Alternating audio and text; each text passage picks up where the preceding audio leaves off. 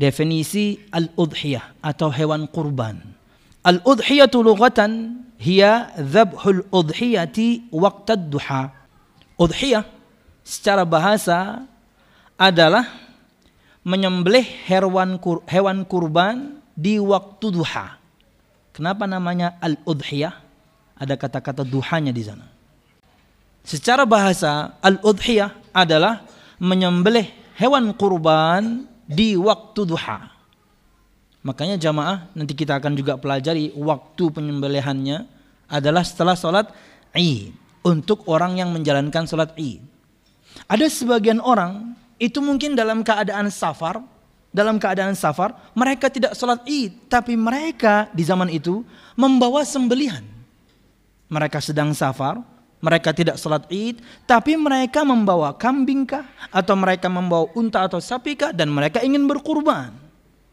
Maka ada hitungannya. Tidak bisa kemudian sekaligus ketika fajar menyingsing, tidak.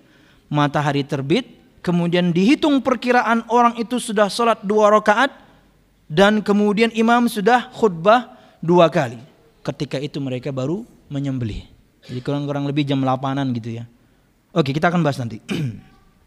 Wa syar'an dan secara istilah syar'i yang namanya udhiyah adalah ma yuzbahu minal ibili awil baqari awil ghanami awil ma'izzi taqarruban ila Allah subhanahu wa ta'ala yaumal 'id.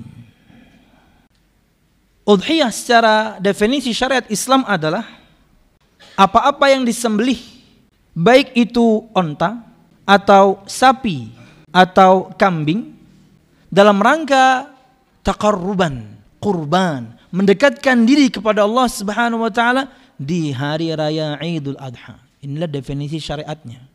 Menyembelih onta, sapi atau kambing untuk mendekatkan diri kepada Allah Subhanahu wa taala. Allah perintahkan, kita lakukan.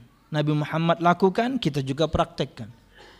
Betul-betul ta'abudan, betul-betul yakni perintah yakni untuk beribadah mendekatkan diri kepada Allah Subhanahu wa taala. Sama nanti juga kita akan bahas. Kalau sudah masuk 10 eh, kalau sudah masuk awal Zulhijjah dan orang kemudian berniat ingin menyembelih kurban di tanggal 10, maka Nabi Muhammad melarang siapa pun yang ingin berkurban untuk mengambil sedikit dari bagian rambutnya, memotong kukunya atau sesuatu atau sedikit di antara bagian dari yakni kulitnya. Enggak boleh. Terkadang kita kan bertanya, kenapa kok tidak boleh potong kuku padahal itu adalah fitrah. Fitrah kebersihan orang itu di antaranya adalah motong kuku. Kan fitrah ada lima.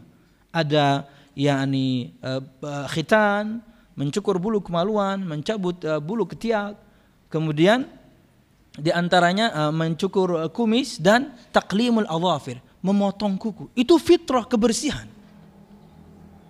Tapi Nabi Muhammad SAW melarang orang kalau sudah masuk awal Dhul Hijjah dan dia ingin berkurban, Nabi Muhammad larang orang itu untuk motong kuku, untuk cukur rambut. Kenapa? Murni ta'abudan. Terkadang hikmahnya kita nggak tahu. Nabi Muhammad larang, sami'na wa ta'na. Nggak tahu. Allah Subhanahu wa taala perintahkan kita berkurban, oke. Ya, ini bentuk penghambaan kita kepada Allah Subhanahu wa taala. Allah perintahkan kita lakukan. Nabi Muhammad contohkan, kita juga praktekkan.